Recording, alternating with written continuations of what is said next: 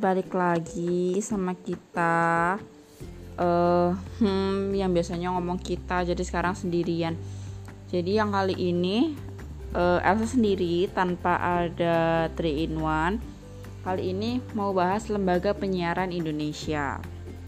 Nah atau KPI nah awal-awal kan kita uh, tahunya KPI ini kan yang buat nyensor terus uh, ngelaporin-laporin yang iya kalau misalnya kita ingat kayak masalah Aukarin dulu gitu ya kayak Aukarin di undang KPI terus ada teman-temannya Anya dan lawan dan dan lain-lainnya.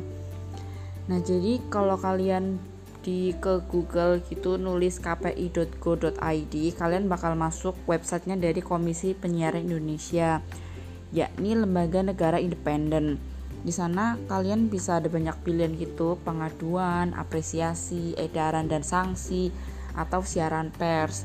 Selain itu, kita harus ini kan kenalan dulu sama KPI itu apa sih. Jadi, Komisi Penyiaran Indonesia adalah sebuah lembaga independen di Indonesia yang kedudukannya setingkat dengan lembaga negara lainnya yang berfungsi sebagai regulator penyelenggaraan penyiaran di Indonesia regulator berarti bisa dibilang dia ini yang bikin peraturan dan dia yang nentuin sanksi jika ada pelanggaran.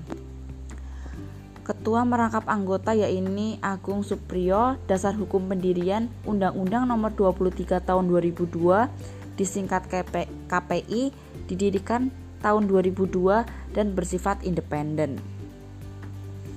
Nah, Komisi Penyiaran Indonesia adalah lembaga yang di mana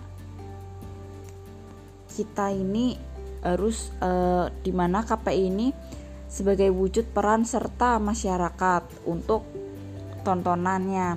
Lalu untuk penyelenggaraan penyiaran lalu wewenangnya ini ada pertama menetapkan standar program siaran. Yang kedua menyusun peraturan dan menetapkan e, peraturan yang ada di yang bakal tayang yang ketiga, mengawasi pelaksanaan peraturan. Yang keempat, melakukan koordinasi atau kerjasama dengan channel-channel. Apalagi channel ini kan masih banyak yang swasta, di mana TVRI hanya tersisa satu. Tugas dan kewajiban pertama, menjamin masyarakat untuk memperoleh tontonan yang layak. Yang kedua, ikut membantu pengaturan infrastruktur tontonan yang ketiga memelihara tatanan informasi nasional, yang keempat menyusun perencanaan pengembangan penyiaran di Indonesia. Lalu fungsinya ada mewadahi aspirasi serta mewakili keputusan untuk tontonan Indonesia yang lebih baik.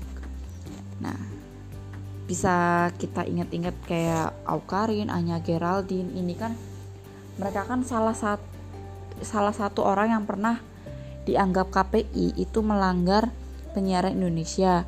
Maka dari itu waktu itu mereka tuh diinikan di bukan ditangkap ya kayak ditanyain saksi diminta pertanggungjawaban nah dari saat itu aku sendiri nih pribadi jadi ngerti oh kalau ternyata tontonan di Indonesia itu punya regulasi tersendiri karena kayak bisa kita lihat banyak adegan kayak kissing scene itu kan dikat oleh KPI terus adegan-adegan dewasa atau darah atau senjata bertajam itu kan pasti kena sensor.